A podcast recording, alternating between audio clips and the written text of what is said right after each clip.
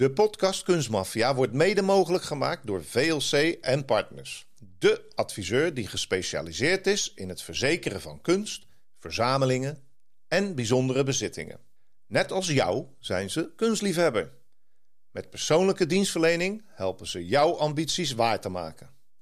Kijk op kunst-verzekering.nl voor meer informatie. VLC en Partners verkennen, voorkomen en verzekeren.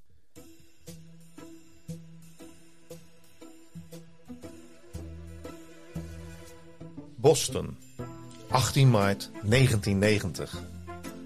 In de vroege ochtend laten de beveiligers van het Isabella Stewart Gardner Museum twee politieagenten binnen die een alarm gehoord hebben. Even later liggen de nachtwakers gekneveld in de kelder. In de Dutch Room, de Hollandse kamer, stelen de nepagenten een uiterst kostbare Vermeer, een paar Rembrandts en werken van Degas en Monet. Met een waarde van meer dan 500 miljoen dollar gaat de Gardner-roof de Amerikaanse geschiedenis in als de grootste kunstroof ooit.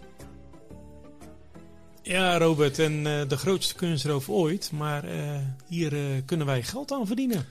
10 ja, miljoen. Dit is even opletten geblazen voor alle luisteraars. Want Rick, ehm, tot de dag van vandaag, sinds 1990, en we zijn dus 33 jaar verder, staat er nog steeds 10 miljoen Amerikaanse dollars voor degene die met de gouden tip komt. Ja, geweldig. En uh, dat, dat dat nog steeds uh, uitstaat, wil ook wat zeggen natuurlijk over, uh, over deze roof. Dat dit inderdaad natuurlijk de grootste van, van Amerika was. En ja, niet alleen wij en de luisteraars zullen nu op deze tip afgaan. Maar ik denk ook andere mensen.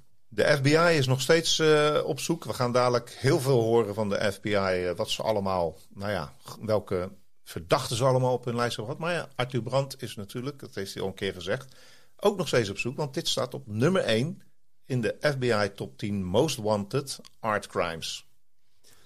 Stel nou, hè, Robert, dat wij uh, inderdaad die gouden tip kunnen geven. Dan kunnen wij natuurlijk ook al onze luisteraars bedanken voor het feit dat zij ons de afgelopen maanden uh, mooie tips hebben gegeven, maar dan in, uh, in, ja, in, in pecunia's. Want we hebben van diverse luisteraars hebben leuke bedragen ontvangen. Wij danken jullie daar allemaal zeer voor. Is niet nodig, maar we vinden het natuurlijk ontzettend leuk. En het is nog leuker dat we hele leuke berichtjes krijgen over de mooie podcast die we maken. En ook de waardering die we zien op de diverse streamingsdiensten. Dank daarvoor. Dat is mooi gezegd, Rick. ik sluit me daar helemaal bij aan. En dan gaan we nu van start met dit is Kunstmafia, een podcast over roof, vervalsing en zwendel in de internationale kunst- en antiekwereld. Door Rick Bouwman en Robert Tettero. Deze keer in Kunstmafia zaak 8. Isabella Stewart Gardner en haar museum van lege lijsten. Isabella Stewart Gardner, 1840 geboren. En uh, ja, ze was een uh, miljonairsdochter en uh, vooraanstaand Amerikaans kunstverzamelaar. Doordat ze ja, als miljonairsdochter geboren werd, kreeg ze ook de gelegenheid om, om diverse wereldreizen te maken. Dat heeft ze ook gedaan. Ze, ze, was op een gegeven moment zwanger en had een kind gekregen, maar helaas is die op tweejarige leeftijd al overleden. En daar werd ze een beetje depressief van, dus zij trok erop uit, de wereld in. En ja, overal in de wereld heeft ze zeg maar haar schilderijen, haar kunstwerken, haar diverse bijzondere boeken. Alles heeft ze maar gekocht wat, wat los en vast zat. Uh, een mooie verhaal daarvan is dat ze in Parijs heeft zij uh, het schilderij van Vermeer gekocht. En dat deed ze bij een veiling. En de concurrent was het Louvre. En zij werd okay. geadviseerd daar door een, ja, een adviseur van haar want zij mocht niet zelf meeveilen. Maar dat schilderij van Vermeer, het concert, dat wilde ze per se hebben. Dus elke keer als het bot door een ander gedaan werd, dan ging zij met haar zakdoek naar haar neus toe. En haar adviseur wist dan genoeg, die moest er weer overheen bieden. En uiteindelijk lukte het dus ook om op die manier het schilderij uh, in handen te krijgen. En uh, in Frankrijk waren ze behoorlijk uh, pissig erover. Want ja, het schilderij vertrok uit Frankrijk richting Amerika. Boston. Boston. Nou ja, en zo was ze ook bevriend met diverse bekende artiesten en schrijvers. Het was ja, zeg maar de Paris Hilton van, uh, van die tijd. En uh, ze was ook voer voor roddelrubrieken. Want ze, ze liep te wandelen met een leeuw. en, ze sprak uh, bezoekers toe op haar, in haar museum vanuit een boom. Dus ja, bijzonder was ze zeker. En zij stichtte uiteindelijk een naar haar zelf genoemd museum in Boston. Uh, nadat ze over heel de wereld dus die uh, kunstobjecten verzameld had. Dat uh, museum bestond uit vier lagen. de bovenste laag was haar woning.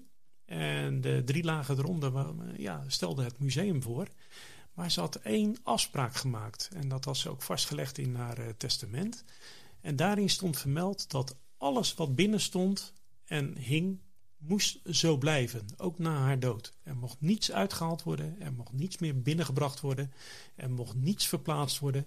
En de tuin, die prachtige tuin, die moest blijven zoals die was. Dus dat betekende, als er ooit wat gestolen zou worden, dat daar geen nieuwe schilderij voor terug mocht komen. Nou ja. ja. Ik denk dat ze dat niet bedacht had natuurlijk. Dat heeft ze niet op gerekend om in dat, die tijd waarschijnlijk niet zoveel uh, dieven rondliepen. Maar dat was wel wat anders in de jaren 80 en 90. Ja, en waar ze, waardoor er ook geen rekening mee gehouden is uh, door haar, is dat uh, er was geen verzekering afgesloten. En de alarminstallatie, die, ja, die was verouderd. Dus de ondermaatse beveiliging was een, echt een publiek geheim in Boston. Zeker bij de criminelen. Uh, en uh, ook onder de slecht betaalde bewakers was dat een, uh, ja, een heting. Ja, en dat klopt ook wel, want daar zijn natuurlijk ook uh, een fout gemaakt. Ehm, waarom werd er geen verzekering afgesloten door onze huidige directie in, in 1990? Dat zij is in 1924 al overleden. Omdat, er, omdat het toch niks mocht doen. Als er iets gestolen zou worden of als er wat zou fout gaan, dan zou er toch niks terugkomen. Dus dat was op zich al een, uh, een vreemde zaak. En alle criminelen in de wijde omgeving van Boston, zullen we later horen, die wisten daar wel van. Nou, terug naar de overval. Twee nepagenten eigenlijk, hè? die uh, komen aan in een gewone wagen. Er zijn nog een aantal mensen, het is St. Patrick's Day, grote feestdag, Ierse feestdag in uh, Boston. Um, lopen door de straat heen. Die zien in die straat van het uh, museum, wat eigenlijk stil en verlaten is, uh, ja, twee politieagenten zitten. En even later bellen die aan bij het uh, Gardner Museum, net na middernacht. En ja, daar zitten dus twee nachtwakers. Eén zit op zijn post, zeg maar, gewoon bij de receptie. de tweede loopt zijn rondje. En nou ja, hij denkt van, ik doe maar open. Officieel mag dat niet. Hij mag voor niemand open doen in de nacht. Maar twee politieagenten. Hij denkt, ik doe het toch maar open. Hij, dus hij doet de knop, uh, drukt hij in. Die man uh, die komen binnen, die twee politieagenten. En een van die agenten zegt gelijk, ik, ik ken jou. Volgens mij ben jij uh, iemand die we zoeken. Stap maar gelijk even naar achteren toe. Dat doet hij. De nachtwaker ziet ook nog dat hij een valse snor heeft. Nou, dat vind ik een leuk detail. Ik denk altijd zat hij scheef of ondersteboven. Ik weet het niet. En wat doe je dan? Volg je dan geen instructies op? Ja, wat moet je doen? Politie is gewapend en ze hadden echte uniformen aan, dus ze arresteren hem. Weg bij die receptie waar de enige knop zit die een contact kan maken met buiten. Dat is het enige alarm. Als hij dat had ingedrukt, dan had de politie waarschijnlijk gekomen. Maar dat doet hij niet. En als de tweede bewaker terugkomt van zijn ronde, wordt hij ook geboeid, opgesloten in de kelder. Ze worden met duct tape rondom hun hoofd uh, ja, en om hun handen vastgebonden aan kachelpijpen of wat het dan ook is. En de twee heren gaan naar boven toe van de politie. En boven gaat een alarm af in de Dutch Room. En dat gebeurt automatisch als dieven, nou ja, die dieven, ook als uh, gewone mensen te dicht bij het schilderij komen. En uh, nou ja, ze slaan het gewoon stuk, want er gaat toch geen alarm buiten af. Buiten is het feest. En ze snijden als eerste een, een Rembrandts, uh, een echte Rembrandt aan, nou niet aan stukken zou ik zeggen, maar ook hier weer uit de lijst gesneden. Wat natuurlijk heel slecht is voor een schilderij, omdat die staat natuurlijk gespannen. Die gaat nog een keer rondom het raamwerk. Maar ja, dat hebben ze hier niet gedaan. En het was ook nog een heel uniek schilderij van Rembrandt, want het was het enige zeezicht wat hij ooit heeft geschilderd. Het heet De Storm op het meer van Galilea. Echt een van de ja, belangrijkste stukken van Rembrandt. Nou, uit het frame gesneden. Nog twee Rembrandts gaan eraf. Uh, heer en dame in het zwart. Uh, een zelfportret, een ets van hem zo groot als een postzegel ongeveer. Is echt heel klein. En verder nog een Govert Flink. En natuurlijk de Vermeer. Allemaal uit deze kamer gehaald. En dan gaan ze op de tweede verdieping verder. Daar stelen ze nog vijf tekeningen van Degas. En een Manet. En dan heel vreemd ook nog een ja, soort uh, koperen adelaar van een Franse vlag van Napoleon. Zeg maar, zo, die op het uh, front werd gedragen. En die wordt dan zeg maar van die vlag af, van die vlaggenstok afgeschroefd. En die hebben ze meegenomen. En een Chinese bronzen vaas. En de experts later, die zijn een beetje verbaasd over die keuze van die laatste twee uh, voorwerpen. Eigenlijk van ja, het is eigenlijk helemaal niet waardevol. En ze hebben er nog wat moeite voor gedaan. Want je moet dat ding natuurlijk losschroeven. En nou ja. En een ander werk, een Titiaan, een Italiaanse schilder. Uh, met, uh, het is The Rape of Europe. Dat is een mythische voorstelling. Die hebben ze laten hangen. En dat, ja, die werd eigenlijk nog hoger uh, in waarde geschat dan de Vermeer en de Rembrandts. Dus ja, dat was een beetje vreemd. Ja, en uh, de FBI begint dan een onderzoek. En uiteraard gaan ze verschillende verdachten trekken ze na. Waaronder natuurlijk de twee bewakers. En, en vooral één daarvan, dat is Rick Abbott. die werd verhoord vanwege zijn verdachte gedrag op de avond van de diefstal. Hij was namelijk degene die rondliep door het gebouw. Tijdens die ronde opende hij namelijk ook een zijdeur. En ja, dat was tegen alle afspraken in. Dat mocht niet. Maar hij zou dat regelmatig gedaan hebben. En uh, ja, was dat nou een signaal voor de dieven die buiten zouden staan? Uh, maar, misschien dat hij stiekem een sigaretje rookt of Ja, zo. precies. En hij vertelde dat hij dit routinematig deed om te zorgen dat de deur op slot zou zitten. Ja, beetje vreemd dus, maar goed, hij kwam ermee weg. Uh, maar wat ook vreemd was, was dat de bewegingsdetectoren uh, 81 minuten lang geen signaal hebben gegeven. Dat is een lang, hè? Dat een is lange lang. periode als ze binnen zijn geweest. En die jongens zijn dus met z'n tweeën, die twee uh, dieven zijn toch gewoon 81 minuten bezig geweest. En ja, als je toch iets wil stelen, dan is 81 minuten, lijkt me toch wel uh, behoorlijk lang. Maar goed, de twee bewakers zaten in, uh, in de kelder, vastgebonden. En de enige voetstappen van die nacht, die zijn van, van Rick Abbott geweest. Want van de dieven zijn geen voetstappen gesignaleerd door het alarm. En de FBI stelde vast dus dat, ja, die vonden dat de bewakers te incompetent en te dom zouden zijn om de misdaad mede gepleegd te hebben. Ja, nou ja, Rick, weet je, als ik zoiets hoor, hè, dan denk ik bij mezelf, als ik daar gezeten had, had ik, had ik echt gewoon nog zelfs de volgende dag zelf een schilderij meegenomen. Ja, ja dat zou je kunnen zeggen. En uh, nou ja, wat, wat ze ook nog meegenomen hebben is de beveiligingsvideo. Dus uh, die is ook ah. uh, meegenomen. Dus er, de FBI kon ook geen, geen, ja, geen video nakijken daarvan. Een vraag, Rick. hij werd verdacht, is hij een beetje neergezet als een soort inside uh, man, inside job? Ja, daar waren, ze, daar waren ze in eerste instantie wel, dachten ze daar aan. Uh, maar goed, in de jaren daarna is uiteindelijk toch gebleken dat, dat hij niet de rol heeft vervuld waarvan zij hem verdachten. Ehm, in 2015 overigens is er door de FBI nog een beveiligingsvideo van de avond ervoor getoond.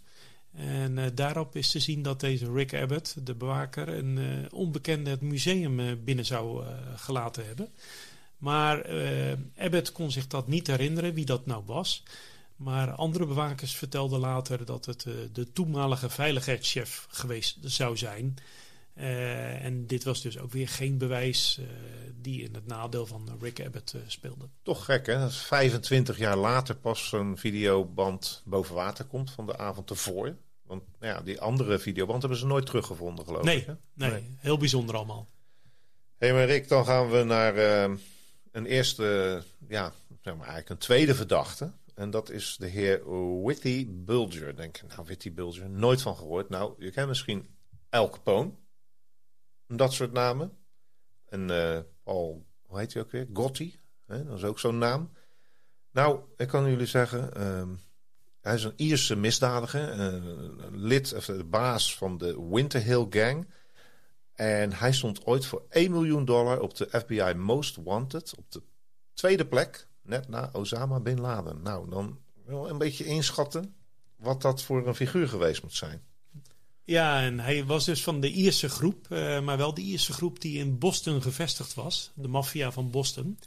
Want uh, Boston bestaat voornamelijk uit voormalige Ieren. Ja, St. Patrick's Day, hè? dat zal hij ook wel gevierd hebben op die avond. Of was hij toch betrokken bij deze overval? Want de politie dacht van ja, kijk, als je twee echte nepagenten hebt in echte uniformen, dan heb je ofwel de uniformen ergens illegaal gekocht, of je hebt zelfs twee agenten omgekocht. Dat werd ook een tijdje gedacht. En Bulger had ook betrekkingen met de IRA. En daar gaan we. Dan is de connectie natuurlijk van uh, we stelen 13 schilderijen voor tientallen miljoenen waard. Uh, daar kunnen wapens voor gekocht worden. En als ze verhandeld worden. Dus het is zomaar mogelijk dat die schilderijen helemaal niet meer in Amerika zijn. Maar dat ze naar Ierland zijn gegaan of elders in Europa. Nou, lang onderzoek hebben ze gedaan. En het leverde geen bewijs op voor de diefstal. Uh, ze konden Bulger en zijn team eigenlijk uh, niet connecten, uh, niet verbinden met deze zaak. En Charlie Hill, ze hebben een keer eerder over gehad. Arthur Brandt heeft een keer over hem gesproken. Een gepensioneerde kunst- en antiekregisseur voor Scotland Yard. Die dacht dat Bulger de kunstwerken echt in, aan de IRA in Ierland had verkocht. Maar Bulger zelf, als maffiabaas, die dacht van ja, dat zal allemaal wel dat jullie mij beschuldigen. Je hebt geen enkel bewijs, maar ik ga het wel checken. Want dat museum van Gardner ligt in mijn territorium. En als iemand in mijn territorium dat stilt, wat moet ik ervan weten? Nou, er vielen daar elke dag, geloof ik, doden uh, bij de maffia. Maar voor zover bekend uh, weten we niet of hij verder is gegaan met het onderzoek. Dus het spoor liep dood. Ja, en dan komen we bij een andere verdachte. Ook weer zo'n bijzondere figuur natuurlijk. Uh, een ex-rocker en berucht kunstrover, Miles Connors. En uh, hij was ook uh, lid van een band, Miles and the Wild Ones. Ja, I don't need you anymore. ja, nou echt. Het ik, is heel grappig. Ik heb dat even uitgezocht. Onderbreek je er even in gewoon. Want I don't need you anymore. Het is ouderwetse rock en roll. Van een veel slechtere kwaliteit dan de echte oude rockers uit de jaren 50. Het is het enige liedje op Spotify wat ik uh, kon vinden van hem. Met een gemiddelde van 25 luisteraars per maand. Het zou hij bijna zelf kunnen zijn elke dag. Ja, en uh, hij luisterde ook flink, denk ik. Want hij heeft geloof ik meer uh, dagen doorgebracht in de gevangenis dan, dan buiten de gevangenis. Dus hij had genoeg tijd om, om te luisteren. En, en hij had onvoldoende tijd om nieuwe nummers te maken, blijkbaar. Dat zeker, ja. ja. maar goed, hij, maar hij zat ook voor, voor echt serieuze zaken. Want shootouts, moord, drugsdeals... Je, je kon zo gek niet benoemen of hij was er wel bij betrokken. betrokken. En hij ontsnapte ook een keer uit de gevangenis met een zelfgemaakt pistool van zeep. Ja, ik ken dat eigenlijk alleen maar van Lucky Luke en de Daltons. Ja. Je, dit is echt zo'n klassieker van die mensen zitten te kneeën de hele dag in de, in de cel. En dan, ja, dan uh, verven ze hem. Wauw. Ja, goed gedaan van hem dus. Ja. Maar uh, zijn expertise was eigenlijk uh, de kunstroof toch wel. En hij was een meester in het ruilen van gestolen kunst voor losgeld van de verzekeraars. Of voor strafvermindering, wat bij hem ook altijd wel interessant was, gezien alle zaken die hij uitgevoerd had. Um, probleem echter was dat hij ten tijde van de roof van, de, van het Carter Museum, museum ja, toen zat hij ook in de gevangenis. Dus dat is voor hem een perfect alibi. En wat men ook wel uh, ja, in, positief voor hem uh, wil wegzetten, is dat hij nooit de Titiaan vergeten zou zijn. Ja, dat dure schilderij, dat zou hij dan meegenomen hebben. Maar nou ja, om even een voorbeeldje te geven. In 1975 regelde, tussen aanhalingstekens, Miles de teruggave van een Rembrandt. Ter waarde van 1 miljoen dollar toen de tijd uit het Boston Fine Arts Museum. En dat ligt echt op een steenworp afstand van het Gardner Museum. En dat deed hij om weer een kwijtschelding te krijgen voor een andere straf voor kunstroof. Dus dit is echt een klassieke ja, manier, zeg maar, om een soort get-out-of-jail card te krijgen. Steel kunst, zorg dat het duur genoeg is, cultureel-historische waarde heeft. En het is een ticket out of jail. En dat heeft hij met succes een aantal keren toegepast. Waarschijnlijk pas na dat zeepistool. Dat hij dacht, oh ja, maar als ik nog ergens een, uh, een schilderij heb liggen. Nou, dat had hij. Hij tipt dus uh, naar de aanklager. Of weet niet precies hoe dat heet in, in Amerika. Volgens mij de aanklager. En maakt dan een deal. Om te zeggen van, kijk, ik, uh, als je mij vrijlaat, dan komt dat schilderij terug. Nou, dat is een paar keer gebeurd in die tijd. Maar ja, dat is ook niet slim, want dat lokt natuurlijk zoiets als het Gardner uit. En ja, dat zou zomaar kunnen natuurlijk. Hè? Miles verklaart aan de FBI Art Crime uiteindelijk dat er een gangster achter zit. Eigenlijk een vriend van hem, Bobby Donati. Dat zou de dader zijn. En hoe weet hij dat? Uh, twee dingen. De eerste is dat in 1974, dus een jaar daarvoor, voordat hij die Rembrandt stal uit het andere museum, heeft hij een roof beraamd op het Gardner Museum. Dus dat was eigenlijk al 15 jaar voordat dat daadwerkelijk gebeurde. En ze vonden dat toen al een heel makkelijk doelwit. En samen verkennen ze het museum. En Miles zegt, die Donati, die zat te kijken steeds naar die adelaar die op die, ja, op die vlag zat. Die eigenlijk vrij waardeloos was. Dat vond hij een gaaf ding. En daarom dacht hij van, dat zal die Donati wel gedaan hebben, want die heeft het plan uitgevoerd wat wij samen ooit beraamd hebben. En de tweede, wat ik wilde zeggen, is van, je zou zeggen, verraadt hij hem dan? Is toch Ometta, zoiets? Ja, dat is wel zo. Maar Donati was al een jaar na de roof dood. Werd vermoord tijdens een, uh, een vete. Dus dat was de reden ook voor Miles om te zorgen dat hij misschien op deze manier vrij kon komen. Ja, en Miles geeft dan ook uh, de namen door van de, de nepagenten die Donati ingehuurd zou hebben. Uh, maar ook daarbij uh, waren twee namen die al overleden waren. Want de een werd kort na de, na de roof doodgestoken. En de ander stierf een jaar later aan een hartaanval. Dus ja, dat is allemaal wel makkelijk namen noemen. Van mensen die toch al overleden zijn en dus die niet veel meer kunnen vertellen. Uh, nou ja, goed. Donati werd dus in, uh, wat je zei, in 91 vermoord tijdens een bendeoorlog in, in Boston.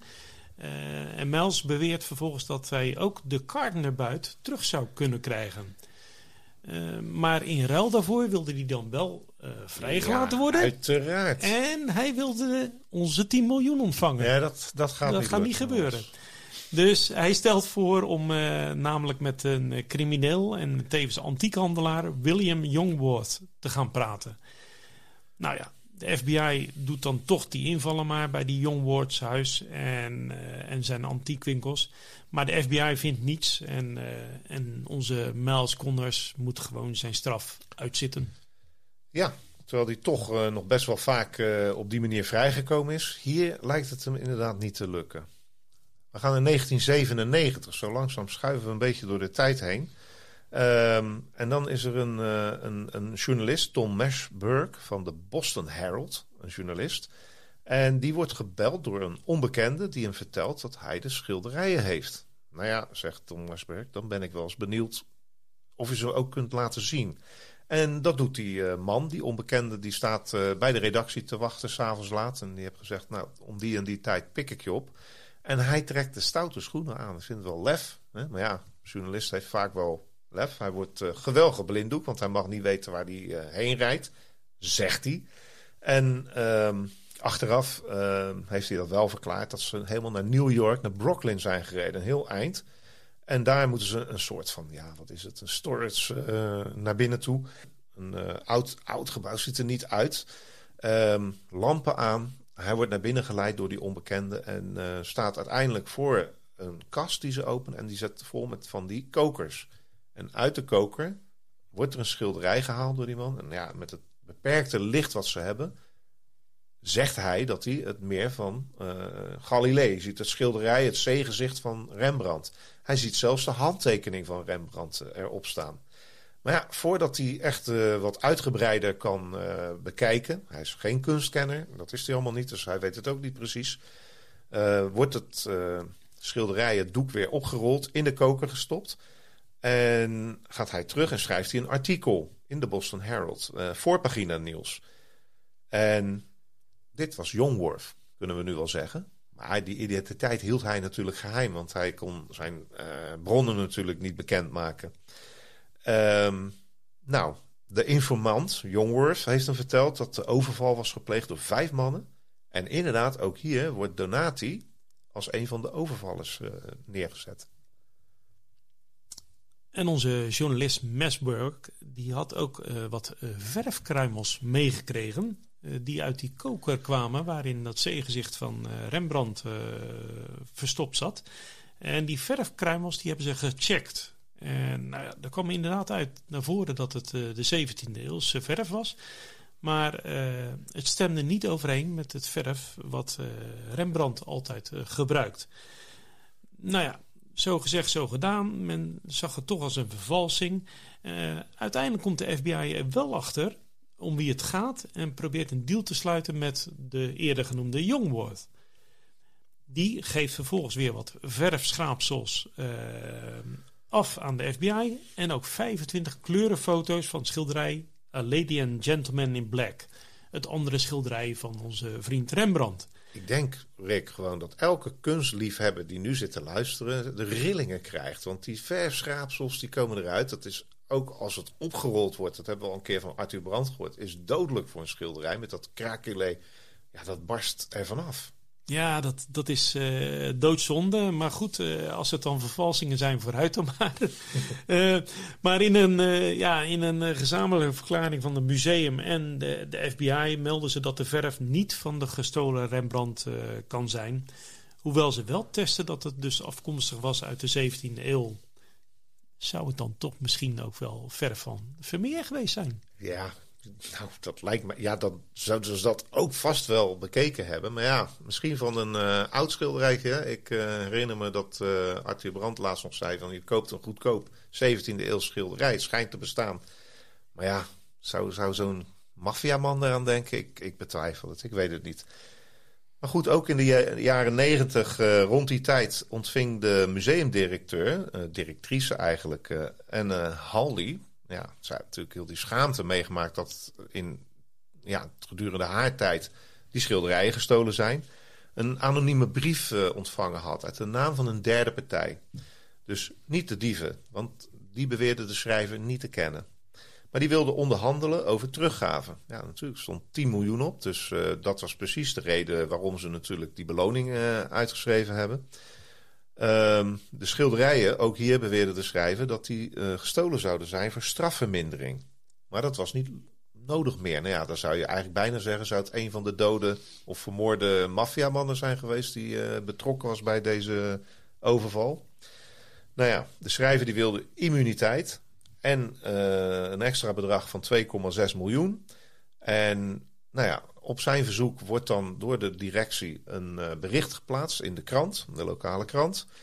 En wat wel overtuigend was, uh, ze doen het ook niet zomaar, want er werd informatie gegeven die alleen bij de directie van het museum en de FBI bekend was. Na de plaatsing in het krant krijgt uh, Haldi een tweede brief en dan trekt de schrijver zich voorzichtig terug, want die is toch bang om zijn identiteit bekend te maken.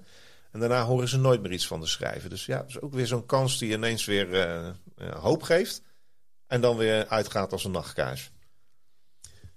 Ja, de verdachten blijven zich opstapelen. En uh, we komen zelfs bij een Nederlander uit. Michel van Rijn. Volgens ja. mij weet Arthur Brandt daar alles over. Over Michel van Rijn. Dus daar gaan we hem zeker nog in deze uitzending over spreken. Maar uh, ja, Michel Verheijn, een, een Nederlandse kunsthandelaar, smokkelaar, zwendelaar, wat dan niet meer, wordt ook kort verdacht van de Gardner-roof. Uh, hij woonde namelijk in New York in 1990. En een uh, leugendetectortest slaat heftig uit. van de zenuwen, zei hij. Ja, maar, zei hij nou, betwijfelen. Dat ja, is wel een coole kikker volgens ja, mij. Ja, precies. Maar de, er is geen bewijs. En Van Rijn ontkent elke betrokkenheid. En in 1997 wordt hij gearresteerd in Londen op verdenking van het aanbieden van een schilderij uit het Gardner Museum. Maar uh, ook daar wordt hij wederom vrijgesproken wegens uh, gebrek aan bewijs. En uh, omdat de schilderij uiteindelijk niet gevonden wordt. Nee, je kunt iets zeggen en als het er dan niet is, dan is er ook geen misdaad natuurlijk. Maar goed, het is wel leuk om dit misschien te onthouden, want het is Londen, IRA. Het zou toch een soort van Engelse connectie kunnen zijn, hè? Engels-Ierse connectie. Maar in 2013 staat de FBI nou, eigenlijk heel overtuigd een persconferentie te geven over dat ze nu toch wel een doorbraak hebben. Gaat namelijk uh, erom dat ze criminele organisatie in New England, dat ligt ook in Boston, uh, geprobeerd hebben de schilderijen in Philadelphia te verkopen in 2002. Dat is al een aantal jaren daarvoor. Uh, ze vragen het publiek om hulp. Ehm, ze verklaren ook dat uh, de beide dieven die echt als nepagenten naar binnen komen, inmiddels overleden zijn. Daar hebben we al een suggestie van gegeven net, maar dat geeft alleen de namen niet vrij.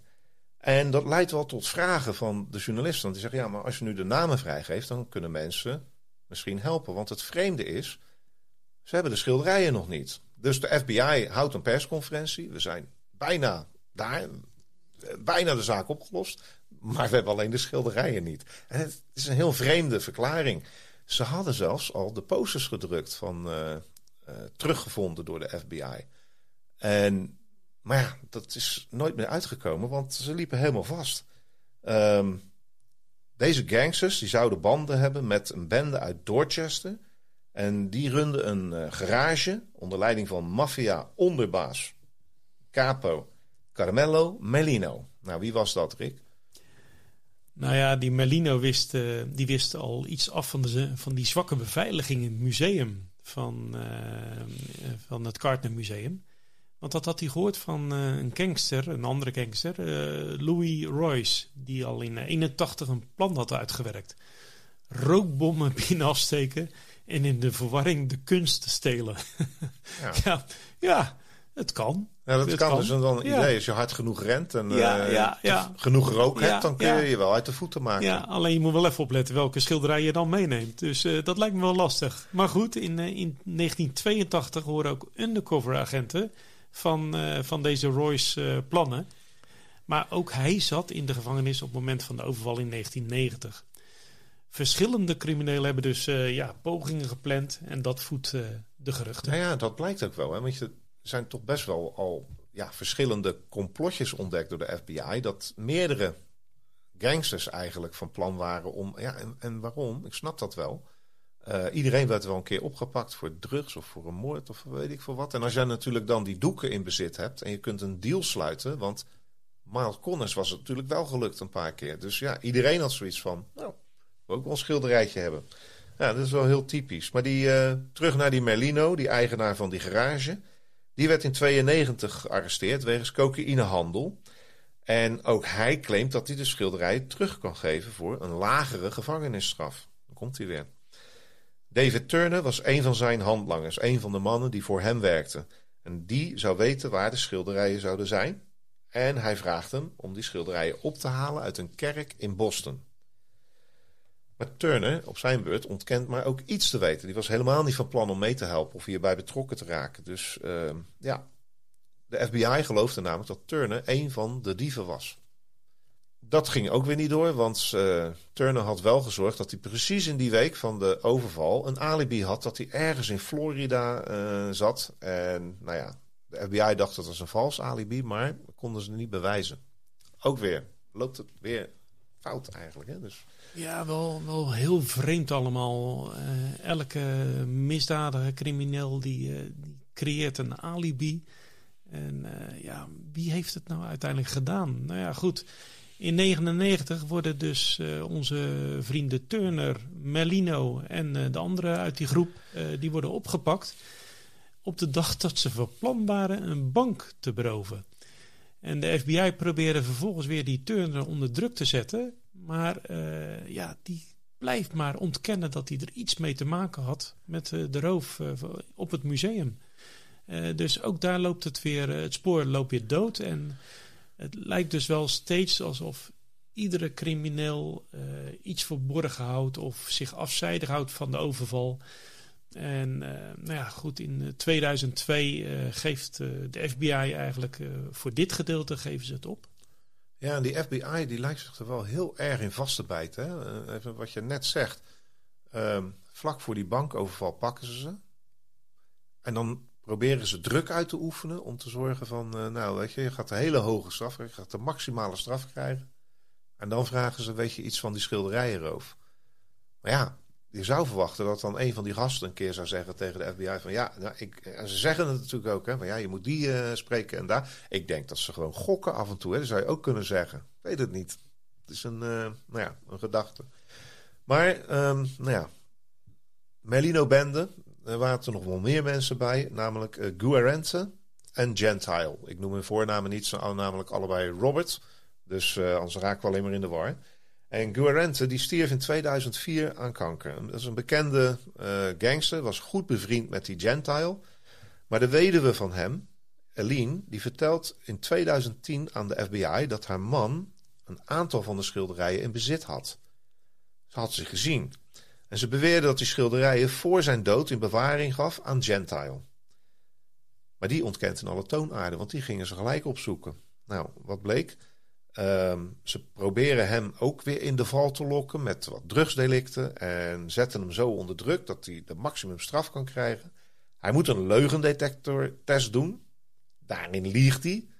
Het uh, inkt spuit bijna tegen het plafond aan. Maar, zegt zijn advocaat, echt, er zaten 15 uh, FBI-agenten tussen. De een zat te lunchen, huilende baby's, mensen die in en uit liepen. Dus dat was volgens hem geen goede omgeving. En dat, ja, die zegt die leugendetectortest, die is gewoon niet goed. Um, dan doen ze een tweede test. En daar zegt hij dat Eline ooit het vermiste zelfportret, dit postzegelformaat, uit haar boeste haalde. en toonde en zei: Kijk, ik heb, ik heb een werk. Maar ja, later zegt hij tegen die uh, advocaat: dat was eigenlijk de enige leugen. En die werd niet gedetecteerd. Nee, want elke leugen bij hem wordt als waarheid uh, beschouwd. Ja, dus, de man heeft uh, nog de nooit in zijn leven de waarheid gesproken waarschijnlijk. Bleef, ge, bleef gewoon, de detector bleef gewoon rimpelloos. Maar de FBI ging dus toch op onderzoek uit in het huis van Gentel. En ze vinden uiteindelijk een geheime ruimte onder de vloer in de schuur. En dachten van, hebbes. Ja, er gingen een paar mannen naar binnen, want het was een hele diepe kuil, zeg maar, in die schuur. Maar uiteindelijk vonden ze helemaal niets. Hij was leeg. Maar wel vonden ze een Boston Herald krant uit maart 1990 met een artikel over de diefstal. En samen met dat stuk papier uh, hadden ze ook nog een papier gevonden waarop stond geschreven hoeveel elk stuk op de zwarte markt zou opbrengen. Ja, ja dit is misschien wel je toch niet? het hardste bewijs wat ze ooit gevonden hebben. Ze ja. dus niet die schilderij, maar alle dertien stonden ze erop. Dus ook die vaas en die adelaar. En daarachter de prijs op de zwarte markt. Ja, bizar en bijzonder. Dan zou je toch zeggen, dan, dan moet hij er iets van weten. Ja, natuurlijk. Maar ja, van de schilderijen zelf wordt geen snippen gevonden. En uh, gaat naar de gevangenis voor een drugszaak. Maar hij komt nooit zelf met een deal voor strafvermindering. Dat is wel weer vreemd ook. Ja, dat is zeker vreemd. En als je dan eigenlijk de balans opmaakt van dit hele verhaal, dan de enige die nog leeft, dat is die Turner. Die is zeven jaar eerder vrijgekomen. Vergis je niet, heb je 30 jaar gekregen voor een paar dingen. En die kwam ook niet met een plek of met een gouden tip. Dus je zou zeggen van, uh, is dit nou wel de juiste richting waarin ze gezocht hebben? Het lijkt er heel sterk op dat het inderdaad bij de Italiaanse maffialeden circuleerde. Die hadden ook wat meer ervaring met kunst, diefstal dan de uh, Ierse maffia. Um, dit blijft een beetje vaag allemaal. En ik denk dat als we er echt misschien wat meer van willen weten, we dan misschien toch maar Arthur Brand moeten bellen. Om, om te gaan kijken wat hij uh, weet ja, van deze zaak. Hier, moet, uh, hier moeten we Arthur Brand zeker voor inschakelen. Want uh, één, hij weet er natuurlijk veel van. hij zit er al volgens mij lange tijd bovenop. Ja. En het staat nummer één in, in, de, in de lijst van, van lijsten. Dus ja, hij heeft gezegd, het zit altijd in mijn kop. Hè? Ja. als ik dat dan kon oplossen, dan uh, maakt hij echt zijn reputatie waar. Maar ja, ja, in Amerika wordt hij al de Indiana Jones van de lage landen genoemd. Dus uh, nou ja, dat zal hij dan wel van heel de wereld kunnen worden als hij dit uh, Ja, oplost. zeker, zeker. Dus wat gaan we doen, Robert? We gaan hem bellen en we gaan hem ook vragen of we kunnen meedelen in de pot als hij het ooit vindt. nee hoor, we gaan hem gewoon bellen. Met Arthur. Goedenavond, uh, Arthur Brandt. Je spreekt met de Kunstmafia. Of ik bedoel... Ja, hallo. Met Robert en Rick van de podcast De Kunstmafia. ja. Dag Arthur. Ja, ik zie jullie nog niet als, uh, als van die figuren die denken van... God, dit is zo leuk, laten we het zelf eens proberen. Kraak te zetten of zo. Nee, pas, pas als we echt heel veel ervaring hebben. Ja, dat is goed. Nee, je spreekt ons uh, vrij regelmatig nu, dus inderdaad, uh, nee, uh, daar zijn we niet van plan. Maar heel fijn dat, dat je aan de lijn kunt komen. En ehm, we hebben het, deze zaak over de beruchte Gardner-zaak, dus de, de grootste ja. Ja, kunstroof eigenlijk van na de Tweede Wereldoorlog, denk ik. En, en om, om even een start te maken, want het is misschien wel een mooi bruggetje tijdens die roof, en we hebben alle stukken zeg maar behandeld, werd de Vermeer gestolen, onder andere, het concert. En vandaag, precies vandaag, werd de tentoonstelling geopend in het Rijksmuseum, als ik het goed heb. Waarin nou ja, de grote Vermeer tentoonstelling is met 27, 28 stukken. Dus ik dacht, dat is misschien wel een mooi moment om in de komende maanden, want die duurt tot juni, te proberen het concert terug te vinden. Dat zou wel mooi zijn, denk ik, als we die kunnen afleveren daar. Leg, leg de lat maar lekker hoog. ja. Dat, uh, nou ja, kijk, Vermeer heeft natuurlijk niet zoveel werken geschilderd, hè, een stuk of 35. Dus uh, deze tentoonstelling is wel ja, een unicum. Zoveel werken bij elkaar. Uh, ik kreeg ook berichten van journalisten van, uh, lag dat niet kunstrovers aan? Ik zeg, nou ja, daar zullen ze vast wel rekening mee hebben gehouden. Dus het zal wel goed beveiligd zijn. Ja. Maar inderdaad, ja, het is, uh, het is jammer dat het concert ontbreekt daar. Want het is natuurlijk, ja, hij heeft al niet zoveel werken gemaakt. En ja, dan telt er natuurlijk ieder werk. Nou ja, dat klopt. En, en dat, die, deze Vermeer, het concert is natuurlijk nu 33 jaar lang zoek. Rick en ik hebben een ja, toch best wel uitgebreid besproken over de overval op het museum, het Gardner Museum. We hebben uh, Isabella Stewart Gardner ook zelf even kort besproken over wat voor wonderlijke dame dat was. En we hebben eigenlijk voornamelijk, ja, zijn we niet heel veel verder gekomen dan eh, wat de FBI onderzocht heeft, met name in en rond Boston met uh, de, de Italiaanse maffia.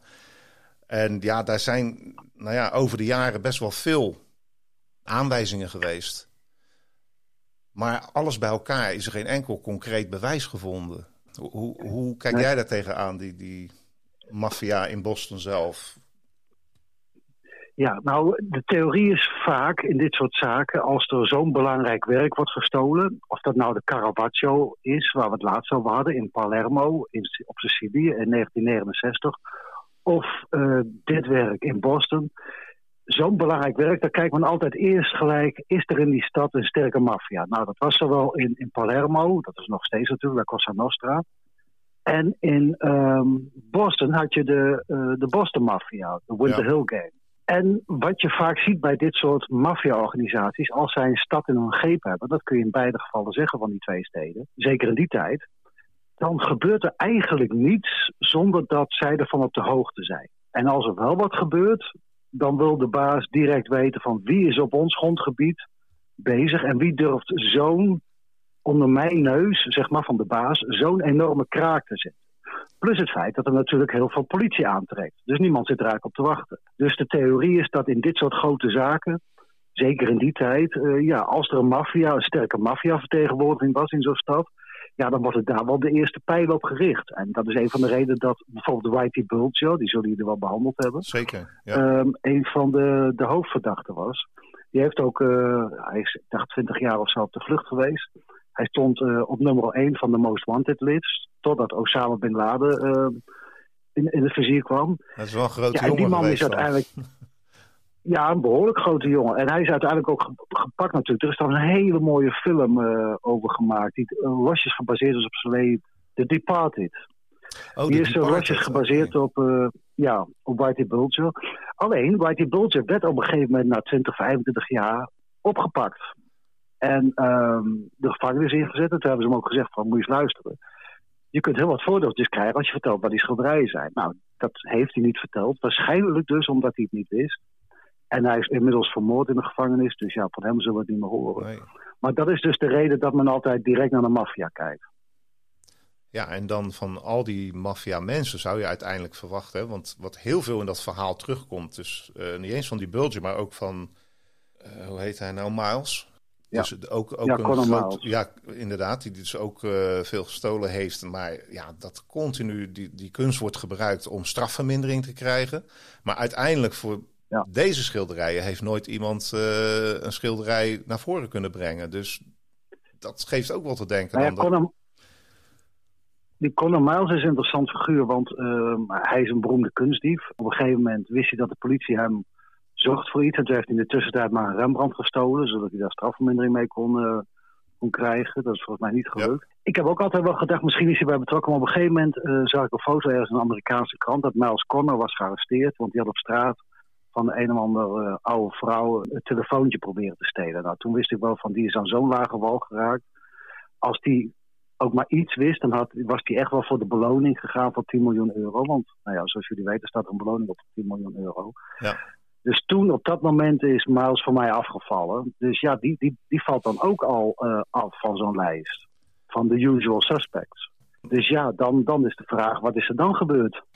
Dan stel ik de vraag, Arthur, wat is er dan gebeurd? Want ja. welke lijn staat dan nog open? Is dat, wat is jouw theorie over wat hier gebeurd is? Ja, je kunt dus met logisch nadenken, daar hoef je geen kunstdetector voor te zijn. Kun je dus, uh, ik, hebben jullie die twee uh, vermoedelijke dieven ook behandeld? Um, Rijsvelde en uh, Di Muzio. Dat waren waarschijnlijk volgens de FBI de twee dieven die het werk gestolen hebben. De werken gestolen hebben. Um, die zijn allebei, uh, eentje is vermoord in een kofferbak teruggevonden, de ander onder verdachte omstandigheden, een overdosis. Binnen een jaar volgens um, mij het, na de na Ja, binnen een jaar. Nou, het zou dus kunnen dat um, die twee mannen, als het inderdaad zijn geweest, wat de FBI vermoedt, de werken dus ergens verstopt hebben achter een muur. Ja. ja, en als ze dan vrij snel dood zijn gegaan, dan ja, is het natuurlijk de logische gevolgtrekking dat uh, zij die werken ergens verstopt hebben um, dood, uh, dood slash vermoord zijn, uh, ja, dan liggen die werken nog ergens achter een muur en onder een spouwmuur of zo. En ja, misschien dat er ooit iemand zijn huis gaat verbouwen. En uh, in één keer die werken tegenkomt. Dus dat is een theorie die, die vrij uh, breed aangehangen wordt. Want dat is ook een hele logische verklaring natuurlijk. Het zou kunnen, maar aan de andere kant had ik iets van... ja, zijn zij, hebben zij niet in opdracht gewerkt? Of zouden zij echt dit op eigen nou, houtje gedaan hebben? Uh, ik denk het wel, maar dan nog, dan krijg je toch weer de maffia die verhaal komt halen. De maffia stuurt zijn mensen erop uit. Je weet hoe mensen praten. In de kroeg vertelt uh, zo'n reisveld dat tegen iemand. En uiteindelijk krijgt de maffiabaas te horen, Whitey Bulge. En dan wordt een verhaal gehaald. Het kan dus zijn dat ze vermoord zijn zonder het te hebben prijsgegeven. Lijkt me sterk. Dus um, de theorie dat, dat zij uh, de werk hebben gestolen en het niet meer kunnen navertellen, ergens verstopt, die is dus vrij plausibel. Een andere mogelijkheid is dat ze de werken wel hebben doorverkocht of hebben moeten inleveren. Dat is natuurlijk ook nog. Ja, en dan kom je natuurlijk wel wat bij de wat grotere jongens uit. Dan kom je echt wel bij uh, de maffia uit. Je hebt natuurlijk de Boston Mafia van Whitey Bulger. Ja. Maar je hebt er ook Italiaanse uh, maffia. En het zou heel goed kunnen dat ze uiteindelijk die werken daaraan verkocht hebben. Dan is natuurlijk de vraag, ja, maar moet je eens luisteren, er staat 10 miljoen euro beloning op. Waarom heeft niemand ze ingeleverd? Wat weer een bewijs zou zijn dat die werk, uh, wat we eerder zeiden, door Rijsveld en die moet zo ergens verstopt zijn uh, geweest en, en niet meer zijn teruggevonden. Ja. Alleen daar is ook wel weer een logische verklaring voor, want ja, er wordt gezegd door de FBI, we gaan niemand vervolgen voor die roof. Let wel, hè, voor de roof. Maar stel dat die twee vermoord zijn en de FBI heeft er bewijzen voor. Dan kunnen ze wel, die gasten die die werk komen inleveren, zeggen van nou ja, we gaan jullie niet vervolgen voor de roof. Maar uh, we hebben toch hier met één of twee moorden te maken. Dus daar kunnen ze bang voor zijn. Een andere reden is dat ze denken, kunnen denken van... ja, er staat weliswaar 10 miljoen dollar op, maar... ja, er zit vaak wel een addertje onder het gas. Dan moeten die werken weer in goede staat zijn. Allemaal bij elkaar. Dus het zou best kunnen dat ze wel bestaan, alleen dat niemand ze durft in te leveren voor die 10 miljoen euro, omdat ze het niet vertrouwen. Ja. Dus de twee theorieën zijn uh, of uh, Rijsveld en Emutio, die het waarschijnlijk gedaan hebben, hebben het ergens verstopt en niemand heeft het ooit teruggevonden. Of ze zijn inmiddels wel, of destijds wel doorverkocht aan welke maffia dan ook. De Italiaanse of de Ierse maffia. Want de Boston maffia is de Ierse maffia. Die sporen hebben wij een beetje uitgediept inderdaad. Met name in de Italiaanse maffia. Dat dan eindigt bij uh, Robert Gentile. Ja. Daar is huiszoeking gedaan. En ja, Rick en ik vonden wel dat het meest bijzondere eigenlijk... dat er in zijn huis niet schilderijen werden gevonden. Maar wel het briefje waarin alle stukken, alle dertien meen ik, op een rijtje stonden... met een bedrag erachter wat ze op de zwarte markt zouden opbrengen. Ja, dat lag dan in een krant uh, opgevouwen uh, van de beruchte roof zelf van maart 1990. Ja. Dus ja, dat is misschien wel het meest concrete bewijs wat, wat zich ja, heeft voorgedaan, wat de FBI gevonden heeft. Ja, nou ja, dat, dat klinkt heel logisch en dat is het natuurlijk ook. Het is ook wel degelijk bewijs. Alleen uh, wat je vaak ziet als er een grote roof heeft plaatsgevonden, dat er een heleboel criminelen. Destijds is er zelfs in Nederland een crimineel geweest, ik ga hem niet zijn naam noemen, maar die uh, niet lang na de Kautner-roof hier is rondgegaan in Nederland met foto's van schilderijen. Dat bleken later vervalsingen te zijn. Maar hij zei van, ik heb die werken van de, van de Kautner in mijn bezit. Wie wil er een mooi prijsje voor geven? Dus wat je vaak ziet is na zo'n roof is dat er allerlei criminelen vervalsingen laten maken, foto's of wat dan ook. En daarmee de boer op gaan. Ja. En proberen die werken te verkopen. Dus hij zou ook dat spelletje hebben kunnen spelen. En wat daarvoor spreekt is het volgende. Gentile of Gentile, want hij heeft natuurlijk van Italiaanse afkomst. Ook een mafioos trouwens. Die was aan het eind van zijn leven ja, niet erg uh, mobiel meer. Hij zat in een rolstoel, hij was erg oud, erg ziek. En ze hebben hem letterlijk gezegd, de FBI, ze bleven hem al lastigvallen. En ze hebben gezegd, moet luisteren, we hebben je nu weer gearresteerd. En we hebben je net ingeluisterd met een ander wapendeal. Als je nu zegt waar die werk uh, zich bevinden, dan word je er niet voor vervolgd en krijg je 10 miljoen dollar. Dus ja, uh, dan zou je. En je wordt direct vrijgelaten. Dus dan zou je toch verwachten een oude man in de rolstoel van in de tachtig, die zijn kleinkinderen zien, wil zien, 10 miljoen dollar kan meekrijgen. Waarom zou die dat dan niet vertellen? Ja, en dat, ik denk dat dat, dat klopt hoor. Want dat hebben we ook uh, gelezen. Ik geloof niet dat wij het vermeld hebben zozeer. Maar je ziet niemand van die mafiosi eigenlijk naar voren komen. Ook als ze zwaar onder druk worden gezet door de FBI van uh, je kunt hier mee wegkomen als je iets van de schilderijen weet. Niemand komt naar voren toe uiteindelijk. Niemand van heel die groep die voorbij gekomen is, en aardig wat, is eigenlijk ooit naar voren gekomen voor strafvermindering. Ja. ja ik heb het ook geprobeerd bij uh, Gentile. Uh, ik ken een man daar in, in die komt rijden. Dat is de zoon van een mafioos. Fat Tony heet hij. Ook weer zo'n fantastische naam natuurlijk. Ja. En uh, die was ook weer bevriend. Zijn vader die was uh, compagnon van uh, Gentile. En met hem hebben we toen een plannetje opgezet om Gentile te benaderen. En gezegd van nou Gentile moet je eens luisteren.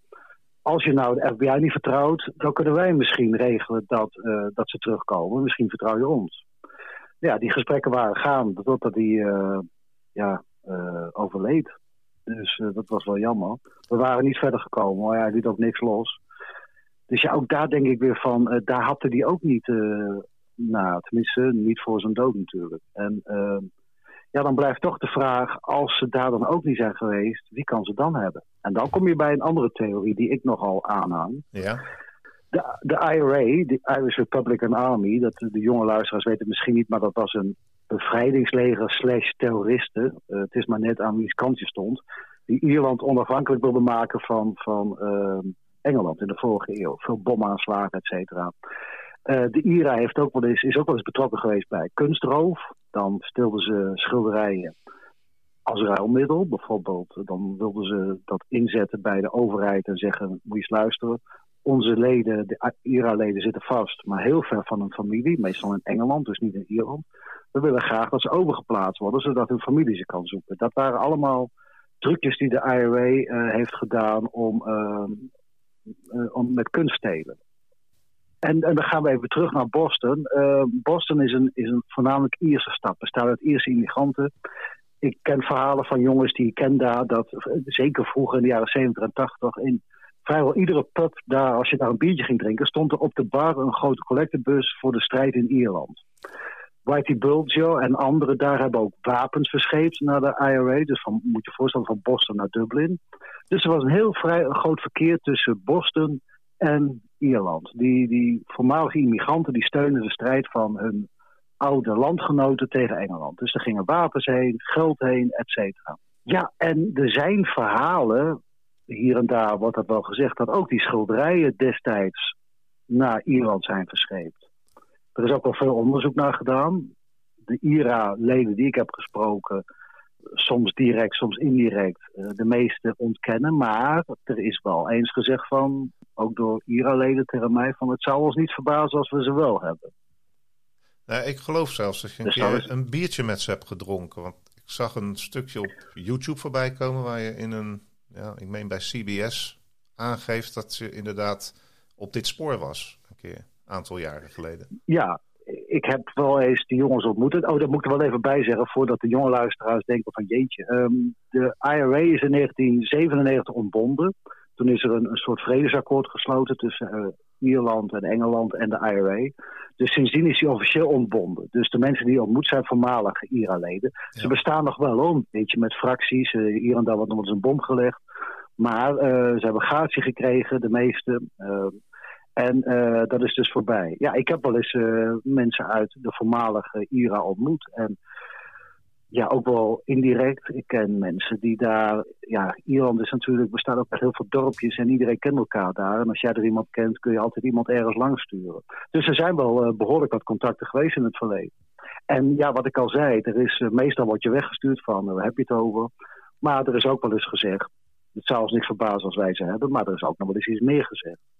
Er is ook wel eens gezegd van, ja, daar praat ik niet over, want anders ga ik dood. Dat soort dingen. En is dat niet, ja, ik heb daar nog wel iets over gezien. Ik weet dat Charlie Hill, dat is volgens mij een, een collega van jou, als dat zo mag zeggen. Klopt dat? Ja. Die heeft ook onderzoek. Die kwam met de naam naar voren Martin de Viper Foley. ja. maar dat was volgens mij geen IRA, maar eerder een crimineel uit, uh, uit Dublin. Ja, uh, Charlie Hill is een oude Scotland Yard uh, regisseur met wie ik deze zaak een paar jaar heb gedraaid. Alleen Charlie heeft ook het tijderen voor het eeuwige verwisseld. Dus daar heb ik wel een paar keer met taal gezeten. Ja, en Charlie en ik hebben daarin ook samengewerkt. En Charlie heeft ook met behoorlijk wat IRA-leden gepraat. Ik zeg de hele tijd IRA en dan weer IRA, maar de luisteraar begrijpt het wel. Ja, ja. Um, en um, ja, we hebben daarin samengewerkt. Alleen ja, Charlie is er helaas niet meer. En nu doe ik het zelf. En hij kwam inderdaad bij de Viper uit. Kijk, de IRA, nadat ze gestopt waren in 97, zijn een heleboel van die jongens de criminaliteit in gegaan. Dus voormalig IRA-leden die, uh, ja, die het spel leuk vonden. criminelen, dat die samen... Ja, dat, dat is, daar zit niet zo heel veel uh, licht tussen. Die, uh, die hebben elkaar allemaal wel, die kennen elkaar allemaal. En Charlie is inderdaad dat spoor gaan volgen. Maar ja, Charlie was ook er heel van overtuigd dat de IRA ze had. En, ja, en ik dus ook. En, en als we dan terugkijken naar die twee man die zeg maar de overval gedaan hebben, de twee nepagenten, uh, je, noemde net hun namen. Is dat dan ook zeker dat zij dat waren? Of zouden het ook rechtstreeks Ieren geweest kunnen zijn die dit in opdracht gedaan hebben? Ja, eh, de FBI denkt dus dat deze mannen het zijn. Charlie denkt dat er twee anderen zijn geweest, waarvan ik de namen wel ken. Die zijn uh, ook allebei trouwens overleden. Ik heb wel eentje ervan gesproken. Charlie en ik denken, of uh, Charlie dacht dan en ik denk, uh, dat ze bij de IRA zijn. Ja. En nog wel wat mensen hoor die dat denken. Ja, ik, ik, mijn gevoel zegt nadat we zeg maar heel die Italiaanse maffia zeg maar, doorgeploegd hebben een beetje in, in deze podcast, vind ik wel bijzonder dat de overval op zich gepleegd werd tijdens St. Patrick's Day. Ja, ja, die link had ik eigenlijk nooit gelegd. Maar ja, het is zo obvious natuurlijk. Dat het ook weer net op zo'n dag gebeurt. En ja, het is, het is en blijft een, een IRA-stronghold, uh, dat, uh, dat Boston. Ja, dus de link is gauw gelegd. En ja. Dus ja, het blijft natuurlijk een beetje koffiedik kijken. Heeft de FBI nog gelijk? Of, of Charlie en ik? Um, ik, ik op zich maakt het niet uit wie er gelijk hebben. Als die werken maar terugkomen. Maar speld in Hooiberg zoeken. Als we het daar dan over hebben, over die speld. Hoe zouden we die speld kunnen vinden? Ja, aan de bomen blijven schudden. Um, Charlie heeft destijds, uh, nou ja, ik werkte destijds samen met Charlie. Charlie is al bij wat IRA-families geweest en heeft daar wel uh, het een en ander gehoord. Dus ik dan wel iets verder dan ik hier kan vertellen. Um, er zijn wel dingen gezegd. No, altijd zonder bewijs trouwens hoor. Ik heb nooit uh, foto's gezien van de werken. Maar op een gegeven moment werd, werd Charlie gevraagd van... Stel nou, meneer Charlie Hill, dat wij die werken wel hebben. Um, dan zouden wij om een tegengunst willen vragen. Nou, Charlie heeft het aangehoord en die tegengunst uh, die klonk uh, redelijk oké. Okay. Uh, er was niks letterlijks verkeerds aan. En ja, die heeft Charlie doorgestuurd naar mij. En daar ben ik dus eigenlijk nu mee bezig. En jij, jij weet die tegengunst ook zelf? Ja, ja, ik weet die tegengunst ook zelf. Ze hebben gevraagd om iets uit het verleden of dat nog eens een keer opgelost kon worden. Als dat opgelost zou worden, dan zouden ze misschien bereid zijn om te praten over de werken. Dus op dat punt zitten we een beetje. Ik, ik wil je heel graag bedanken voor uh, je bijdrage. Ja, Deze keer is een heel stuk uh, wijzer geworden en uh, kijken er naar uit om te zien of de schilderijen terugkomen. Jullie zijn de eerste die ik bel. Luister jij graag naar Kunstmafia en wil je Rick en Robert ondersteunen? Ga dan, als je wat kan missen, naar fooiepot.com slash kunstmafia. En geef daar een digitale fooi. Dus fooiepot.com slash kunstmafia.